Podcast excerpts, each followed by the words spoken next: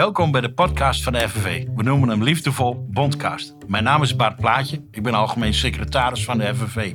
Ik ben vooral een vakbondsman die graag met de poten in de klei staat. Dames en heren, welkom bij weer een aflevering van de Bondcast. Vandaag is mijn gast FNV-penningmeester Piet Rietman. Piet, welkom. Ja, dankjewel. Zeg Piet, uh, je had nadrukkelijk mij verzocht om niet te lang over uh, centjes te gaan hebben. Dat is wel bijzonder met een penningmeester. Maar aan de andere kant, uh, de dingen die je met centjes verhoudt, die verhoud je altijd goed met het ledenparlement en de bijbehorende commissies die daarmee werken. Want dat is waar je, je moet verantwoorden.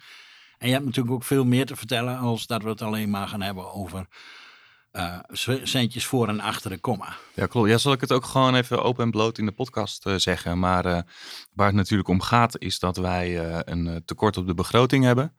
Nou, dat moeten we dan gaan oplossen. Ja. En het tekort is vrij groot, dus de oplossing wordt ook nogal ingrijpend. En als dan uh, het ledenparlement, wat mijn werkgever is, uh, als die dan uh, in een podcast moeten horen wat de plannen zijn, in dat plaats van dat ze het in de stukken lezen, dan heb ik een probleem. Ja. Dus vandaar. ik denk dat wij dan allebei een probleem hebben. Ja, precies. Ja. ja. ja en terecht. Ja, helemaal. Dus laten we het vooral gaan hebben over, over Piet en over hoe Piet en ik dan denken dat Nederland er eventueel wel of niet uit zou moeten zien. Um, en ook wat er nu aan mankeert natuurlijk. Piet, jij bent bedrijfs- en politiek econoom. Beleidseconoom en politieke Beleids Dat is net even anders, ja. Oké. Okay. Politieke economie, dat uh, gaat over uh, kapitaal en arbeid. Uh, over de verhoudingen daartussen. Ik heb ja, dat aan de Universiteit van Amsterdam gestudeerd. Dan heb je eigenlijk drie, um, drie auteurs die je moet lezen. Dat zijn Marx, Marx en Marx. um, en dat was heel interessant. Maar ik heb daar ook echt weinig uh, concrete praktische kennis op gedaan. Dus ik heb, uh, ben op een gegeven moment bij verzekeraars gaan werken. Ik heb bij een bank gewerkt heel lang. Uh, om toch iets meer ook echt wat met cijfers te doen. Want politieke economie is heel veel theorie. Ja. en dan heb ik nog een master beleidseconomie gedaan. En dat gaat een beetje over um, ja, hoe je met beleidsbeslissingen... Was je altijd al zo'n bolleboos? Of gaat je dat makkelijk af? Of? Nee, ik heb... Uh, absoluut niet. Ik heb op het uh, MBO gezeten en op het HBO. Uh, ik had uh, flink wat gedragsproblemen toen ik een jaar of 13, 14, 15 was. En toen verschillende schooltypes van binnen gezien. Maar uiteindelijk op de universiteit beland. En toen vond ik het nog leuk ook. Dus, dus vandaar dat ik door ben gegaan. En later nog even een master daaraan heb vastgeplakt. Dus je bent wel meer het type, als het maar een drive heeft, dan wordt het, interessant, dan wordt het interessant? Ja. Kan ik dat zo stellen? En ja, dan, als je niet gedreven bent, dan... Uh...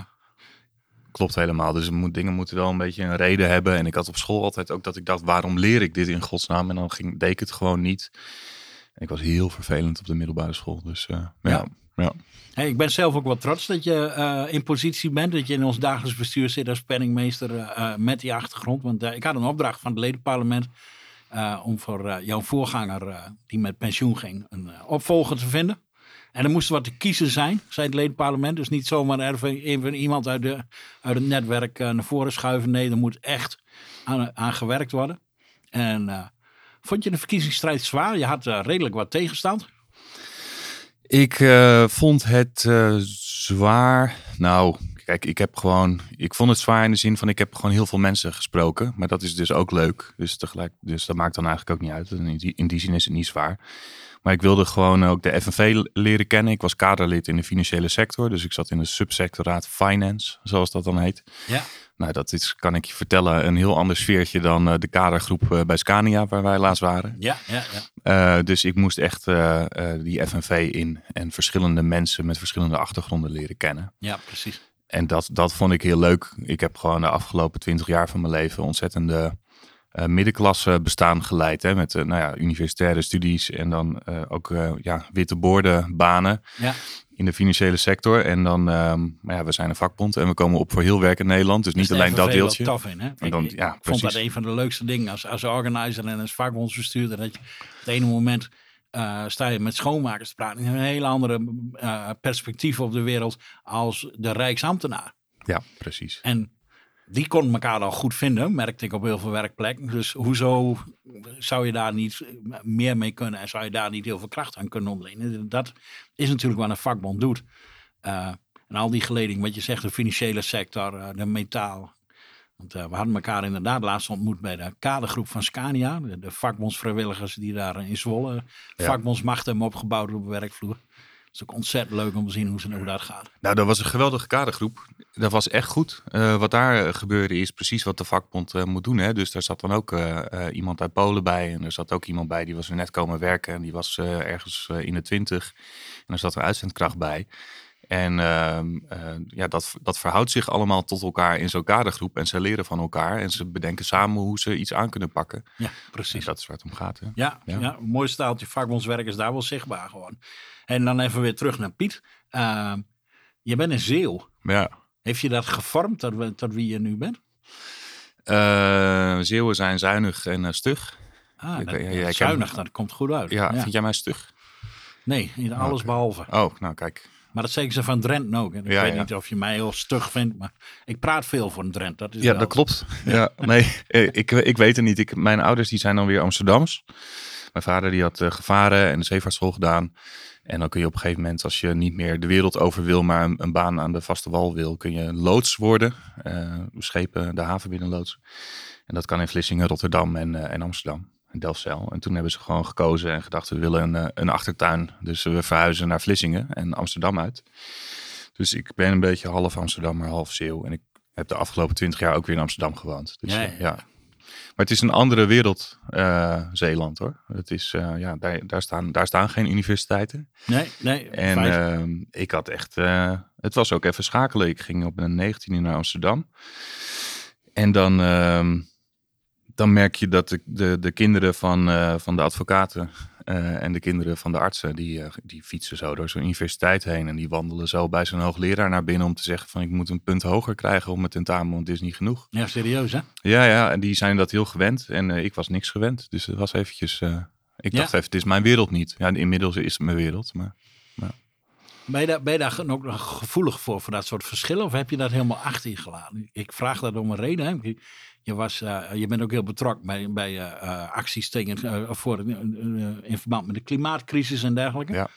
En ik merk wel eens bij jongeren op het platteland aan onze kant dat ik denk van ja, die zijn nog, zijn nog met een hele andere boodschap bezig. Zeg maar. En dat is ook niet zo gek, hè? Want ook rondom de stikstofproblematiek. Weet je, wij wo- wonen en leven samen met boerenbedrijven en we wonen midden in de natuur. En voor ons gevoel is het wel eens dat mensen die in het beton leven ons gaan vertellen wat er misgaat met de natuur.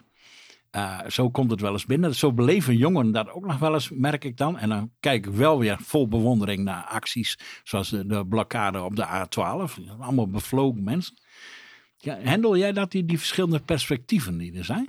Ja, ik herken het uh, wel. En uh, kijk, ik vind alles aan, uh, aan het progressieve activisme van vandaag in principe goed. Want ik denk dat jouw, um, jouw vrienden, jouw oude Zeeuwse vrienden, daar misschien ook wel een ander perspectief op hebben. Ja, nee, die werken in de havens in, in Vlissingen bijvoorbeeld. Die ja. snappen dat klimaatactivisme niet. Maar ik denk dat het in essentie goed is. Hè? Dus, dus dat mensen burgerlijk ongehoorzaam zijn in plaats van alleen maar protesteren. Dat vind ik heel nou positief. Ja, uh, dat ze in essentie uh, een heel belangrijk facet van het kapitalisme uitdagen. Nou, dat is ook goed. Ja. Dus qua actiemethode en qua fundamentele analyse denk ik dat het echt heel, heel goed is. En dat geldt eigenlijk voor alle onderwerpen waar dan, uh, ja, wat dan woke wordt genoemd. Hè? Waar dan progressieve middenklasse mensen uit de Randstad, die links zijn, waar die dan mee bezig zijn. Ja, dat zijn inhoudelijk allemaal dingen waar ik achter sta. Natuurlijk uh, moeten we opkomen voor de rechten van transpersonen. En natuurlijk is er meer dan twee uh, genders. En dan moet je daarover nadenken en ervoor openstaan. Hè? Dus inhoudelijk geweldig. Uh, en tegelijkertijd kan er soms een toon in zitten of een houding in zitten die mijn vrienden uit Vlissingen niet begrijpen. Ja. En jouw vrienden uit Drenthe niet begrijpen. Nee, precies. Ja, ja. En, en daar moet je heel erg voor uitkijken. Er zit zeg maar klassenverschillen kun je, denk ik, ja, voor je het weet, ben je onbedoeld ook op mensen aan het neerkijken of, of mensen nog eens even goed alles uitleggen. En zij moeten jouw ideologie snappen en je luistert niet naar wat ze terug zeggen. Als ja, het zo ja. wordt, dan ben je ook verkeerd bezig. Ja, ja als, je, als je inderdaad, als je, uh, je kunt delen van de klassenstrijd, want eigenlijk is, als het nou gaat over gelijke behandeling in welke vorm dan ook, en op het moment dat je wil voorkomen dat onze kinderen uh, uh, straks niet meer in huis kunnen wonen omdat alles onder water staat. Ja. Uh, als je dat wil voorkomen, dat hoort allemaal bij die klassenstrijd. Want er zijn een paar mensen die zich enorm verrijken en die veilig boven aan de berg wonen. Ja. En die blijven zich verrijken. En weet je, en op het moment dat wij die, die brug niet kunnen bouwen en we raken delen van onze eh, natuurlijke achterban kwijt aan dit soort scheve tegenstellingen, dan komen we in het probleem. Ja, het begint dus ook bij die achterban, denk ik. Hè? Dus bijvoorbeeld die samenwerking tussen klimaatbeweging en vakbond. Volgens mij is niet de truc dat je de klimaatbeweging de vakbond binnenhaalt. Maar meer dat je eh, met de vakbeweging de klimaatbeweging binnentreedt. Daar gaat het volgens mij om. Hè? Dus dat, je tegen je, dat wij tegen onze achterban zeggen van oké, er is klimaatverandering, gevolg van het kapitalistische systeem, waar wij ook tegen strijden op een Ja. andere manier. Ja. Eh, de klimaatbeweging wil er wat aan doen. Wij moeten daar betrokken bij raken om ervoor te zorgen dat de oplossingen die zij voorstellen, dat die ook in ons belang zijn. Dus ik denk dat dat de volgorde is. Dat het begint bij onze leden en dan samen een, een, eh, een plan van aanpak. In plaats van dat je een plan van aanpak bedenkt en daarmee naar de leden gaat. Dat is altijd de verkeerde volgorde. Ja, ja, helemaal eens. We zijn het wel eens iedere keer eens. Hè? We moeten oppassen dat het niet heel saai gaat Wij worden. zijn het veel eens. Ik spreek jou ook elke dag, bedenk ik, van alle bestuursleden. Spreek jou het vaakst. Hè? Ja, En dat dan is, dat nu in een vaak, podcast, hè. ja. Dat, eh, Ja. Penningmeester en algemeen secretaris zijn nog regelmatig een keer tot elkaar veroordeeld. Ja, Dus uh, toe gaat het volgens mij nog wel prima. Hey, iets waar we het volgens mij niet over eens worden. Wat deed je nou bij D66? Oh joh. Ja, ik heb bij drie, eh, ik heb bij drie partijen gezeten in mijn leven. En eh, dat nooit meer. Er komt ook geen vierde. Ik ben eh, actief geweest bij SP, GroenLinks en D66. En ehm, SP, toen was ik zo jong dat ik nog echt dispensatie moest krijgen daarvoor. Ja, want ja, je moet 16 zijn om lid te zijn van een politieke partij. Ja, Dus dat was de jaren 90. Toen ben ik bij de oprichting geweest van wat nu rood is. Of tenminste, ze hebben alle goede mensen eruit gegooid. Hè, met het, ja. Ja. Rood is helemaal de partij uitgezet. Wat stom is. Er zijn moet nog een paar goede mensen over, denk ik. Maar eh Ja. eh, voor mij hebben ze een eigen kweekschool buiten de deur gezet. Ja, precies. Ja, ja. Als, je zo, een- als je een socialistische partij bent, dan moet je toch, denk ik, jongeren die dan Marx lezen, dan moet je toch geweldig vinden, lijkt me. Maar die hebben ze eruit gezet. Ik ben een tijdje later ben ik bij eh, GroenLinks actief geweest. En wat me bij ehm, SP en GroenLinks tegenviel, is dat het eigenlijk een soort getuigenispolitiek is. Het is, ze zijn niet op zoek naar macht. Ik denk, eh, en macht zit hem in een staking of in een bezetting of in een blokkade. Of Ja. macht zit hem in eh, overheidsmacht, hè, dat je in een coalitie stapt. Maar ze doen het beide niet. Dus voor mij was dat, dat ik dacht, van, ja, ik, ik zit hier aan de zijlijn standpunten te hebben. Maar ik zit niet bij een club die bezig is met dat omzetten in, eh, dat dat in gevoel beleid. herken ik wel. Hè. En dat is, je ziet dat heel vaak in de, in de progressieve hoek. Ja. En je aan de kant staan met je mening. En als je mening er maar is, kan je achteraf nog zeggen dat je gelijk had. Alleen, Ja. Ja, eh, haal je daarmee de tegenstander uit zijn comfortzone. Weet je, ik, ik heb wel eens dingen gedaan tijdens mijn vakbondsloopbaan. Dat ik dacht, ja, misschien heb ik wel helemaal niet gewonnen. Maar we hebben ze een gevecht geleverd, jongens. Ja, Er precies. lopen een paar mensen bij Ahold rond die mijn bloed wel kunnen drinken. Daar ben ik trots op. Ja. Dat, ja. Maar daar schrikt ook niemand van eh, jou of mijn mening. Het is ook helemaal niet interessant wat mijn mening is. Ja. Dat wij vinden dat de lonen hoger moeten is niet boeiend. Maar dat we in staat zijn om bedrijven plat te leggen, dat is wel boeiend, toch? En dan komt de boel in beweging. En daar komt dan vanzelf hogere lonen uit. Dus ja, ja, Ja, waarom precies. zouden we zoveel energie investeren in een meningenfabriek? Ja. Ja, Dus dat was SP en GroenLinks. En toen eh, heb ik eh, een beetje, omdat ik dacht van ik sta langs de zijlijn eh, meningen te hebben, dacht ik van ik moet bij een partij die ook in coalitie stapt. En eh, dan heb ik gekozen tussen PvdA en, eh, en D66. Ik dacht op dat moment van eh, joh, als je onder de 60 bent, dan eh, ga je niet bij de PvdA. Dus toen ben ik van D66 lid geworden, wat een middenpartij is. En eh, dat is, dat is een ingewikkelde... ingewikkeld als je links bent om bij een middenpartij te zitten. Dus ja, op een soort van landelijk niveau was ik met een groep bezig om het verkiezingsprogramma naar links te, te amenderen. ja, ja. ja. Dat lukte dan wel. Dus dat was wel leuk. Maar vervolgens, Ja, we wel veel vakbondsonvriendelijke mensen om je heen. nou precies. En, en mensen ook die, eh, ehm, ja, ook een beetje, nou waar we het net over hadden. Van dat neerkijken op eh, mensen die het wat minder hebben. Ja. Dus, ehm, maar ja, en zo'n verkiezingsprogramma naar links amenderen is leuk. Maar dan stapten ze vervolgens in een rechtse coalitie. Dus ja, dat, dat heeft dan ook geen zin. En ik was op lokaal niveau actief. En dan valt daar niet echt linkse oppositie te voeren. Dan zit je gewoon met vier, vijf mensen in de fractie. En dan volg je de partijlijn. Ja, precies. Dus eh, nou ja, de conclusie na drie partijen was van eh, ik eh, fijn dat andere mensen partijpolitiek actief zijn, maar voor mij is het hem niet. Nee, nee, Nee. die snap ik wel. Die snap ik wel. hey, en ehm, we kwamen bij het onderzoek, we gaan altijd als we een podcast voorbereiden, dan de collega's van communicatie, die duiken dan even de achtergrond in. En je bent niet van de, je bent wel wel gemakkelijk voor de onconventionele methodes, zal ik maar zeggen. Je had zelfs voor het ledenwerven bij D66 de homo-app ingezet. Ja, dat was geweldig. Ja, wat Vertel. nou, we bedachten dat Grinder heet dat. En Ja. dan kun je dan een date met eh, mannen eh, kun je daar eh, regelen. En toen dachten we van, nou, dan maak ik daar een profiel, weet je wel. En dan gaan, we, gaan we swipen. En eh, dan ga ik tegen mensen zeggen van, als, als die dan tegen mij zeggen van, ik wil een date met jou. Dan zeg ik, nou, dat kan in een stemhokje. Stemhokje.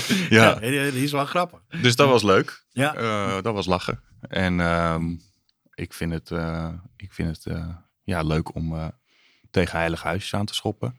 Of om, nou nou ja, zoiets als dit is niet eens een heilig huisje, maar iedereen heeft wel het gevoel van, hé, hey, wat, wat ben je aan het doen? En je zoekt het, je, je zoekt het randje op of zo, of er is iets onconventioneel aan en dan wordt het interessant. Ja, ja. Dat is met alles. Hè. Ja, dat is heel vaak zo. Dat is met onze acties ook zo. En ik kan me nog een tijd herinneren van de schoonmaakstaking in 2011 en 2013. Dat we echt bezetting deden. Ik denk dat ze nu de ME, de ME op je afstuurden. Ja, toen ook wel, maar die bleef nog wel op afstandje staan, zeg maar. Mhm. Uh, en gewoon gebouwd bezet onder het motto we komen op de koffie. Ja, dat is officieel waarom we die dan bezet. Maar die, de, het onconventionele van die tijd zorgde wel dat die aandacht erop gevestigd werd. En vervolgens ontmoette men een vrij positieve boodschap. Een borden met als het moet blijf ik slapen. Uh, uh, nooit meer onzichtbaar. Dat waren allemaal boodschappen die vervolgens wel binnenkomen. Ja. Dat onconventionele, dat, dat, dat is wat ik noem de tegenstander uit zijn comfortzone trekt. Dat werkt wel heel mooi. Dus dat... En uh, toen we deze tegen kwamen, toen dacht ik, ja, die moet toch even in de podcast staan. Dat is wel ontzettend grappig.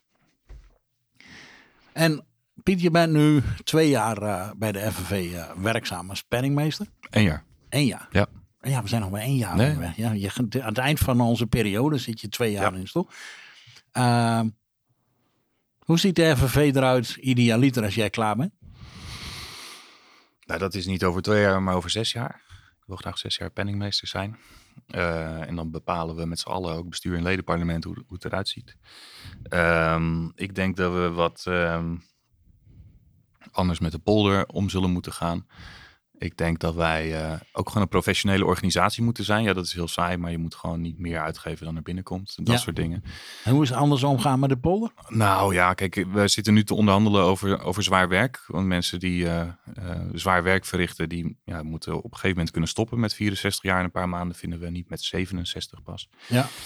Um, en dan, ja, ik merk nu in die onderhandelingen dat het dan heel gebruikelijk is dat je dan als bestuursleden, hè, dus bestuursleden van FNV, van VNO-NCW, samen met ambtenaren, onderling deals gaat sluiten. En dan ook het ene uitruilt tegen het ander. Hè, dus er wordt het liefst wordt er over grote pakketten onderhandeld. Ja. Nou, ik vind dat gelul, want dat, dat werkt helemaal niet. Ik, ja, um, ik kan als bestuurslid van de FNV, net zo min als een bestuurslid van VNO-NCW, bedenken of bepalen vanaf de tekentafel wat goed is voor bedrijven en sectoren. Dat, mm -hmm. Daar hebben we echt geen idee van. Dus ik wil die sectoren aan tafel. Dus ik heb bestuurders meegenomen uit de, uit de sectoren. Gewoon vakbondsbestuurders uit het veld. Onze eigen precies FNV-onderhandelaars uit de metaal en noem maar op. En uit de havens, ja, die gaan gewoon mee. Ja. En uh, nou, dat zorgt dan voor uh, flink wat opschudding daar. Want dat is, uh, dan wordt er gezegd, ik heb dit in 15 jaar nooit meegemaakt. Dan zit je weer aan conventionele dingen te Ja, maar het, het werkt wel. Want zij weten waar ze het over hebben. En zij zorgen er ook voor dat um, ja, we een deal sluiten die werkt voor die sectoren. Je moet ook denk ik proberen als FNV om niet in die polder achter gesloten deuren een, een deal te sluiten die goed is voor de ene sector en niet voor, goed voor de andere. Ja, ja. Nee, ik denk dat je daar gelijk in hebt. En ik vind het natuurlijk heel mooi dat je die bestuurders meeneemt, ook om een reden. Je hebt zelf ook veel in de metaal gewerkt als, als vakbondsbestuurder. En ik heb het gezien ja, op scheepswerven, hoe je onder in een kruipruimte van een boot, als, als, als kerel van 58 nog erin gehezen wordt en dat je daar de hele dag ligt te lassen. Mm -hmm. En dan vervolgens door je collega's weer uit wordt getild, omdat je niet meer kan bewegen. Zeg maar.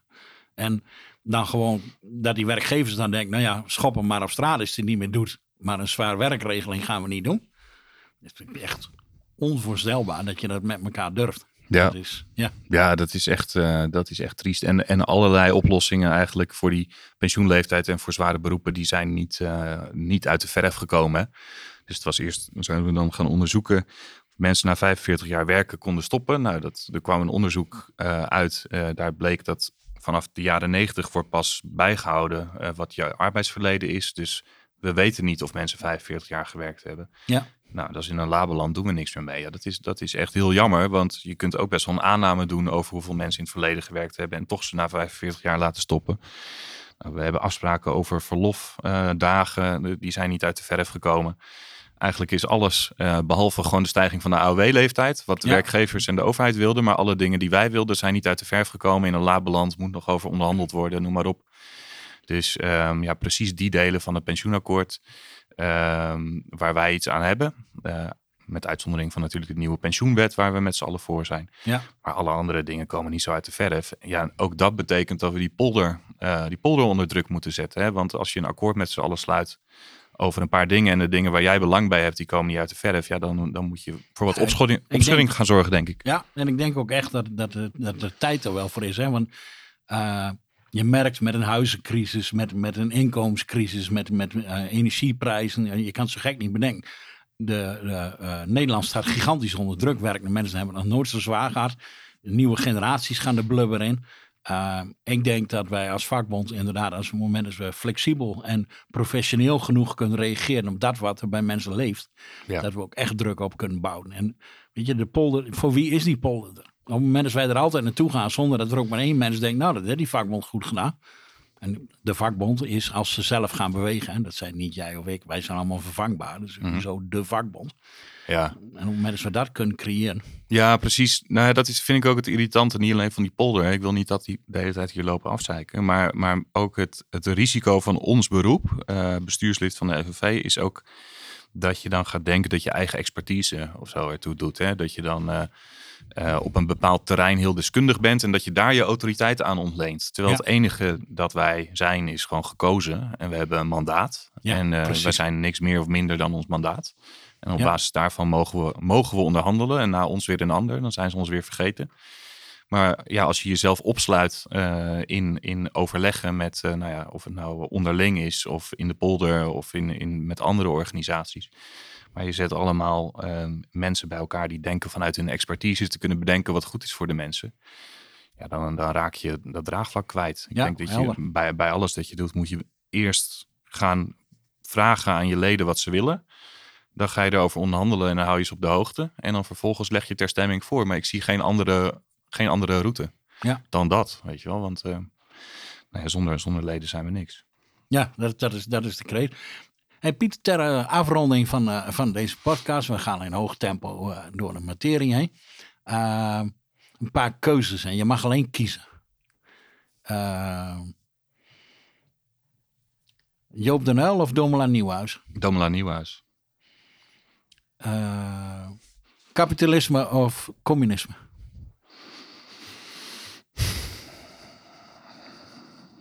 Nou, fruit. Met, met, daarbij de opmerking dat, uh, uh, zoals Marx het heeft bedoeld, nog nooit is gerealiseerd. En dat we dus wat in de Sovjet-Unie is gebeurd ook een vorm van kapitalisme is. Even met die opmerking erbij kies ik voor communisme. Ja, toch weer heel onconventioneel meteen weer uit de methodiek gestapt. ja, precies. Ja, duidelijk. Ja, duidelijk. Ja. hey, boksen of kickboksen? Want uh, wat veel mensen niet weten is dat je ook nog regelmatig uh, probeert een kickbokstraining uh, te voltooien. Ja, dat klopt ja. Ja, ik heb gisteravond ben ik ook weer op mijn bek geslagen. je bent er goed mee weggekomen voor de vandaag volgens mij. Ik ben er goed mee weggekomen. Ja. Ik zou wel, en jij bent bokser hè, ik zou wel, ik, ik, heb nooit echt gebokst. Ik zou wel willen, ja, ik ben wel heel benieuwd naar die, naar die boksport. Lijkt me mooi. Nou, gaan we daar eens een keer naar kijken. Het is bij mij wel heel oud materiaal hoor, maar komt goed. Ja. Hey, Piet, dankjewel dat je hier wou zijn vandaag. Hey, dankjewel. Bedankt voor het luisteren naar de FNV-podcast. Wil je meer informatie over de bond? Kijk dan op fnv.nl. Als je lid wilt worden, kijk dan op fnv.nl/slash lid worden. Tot de volgende keer.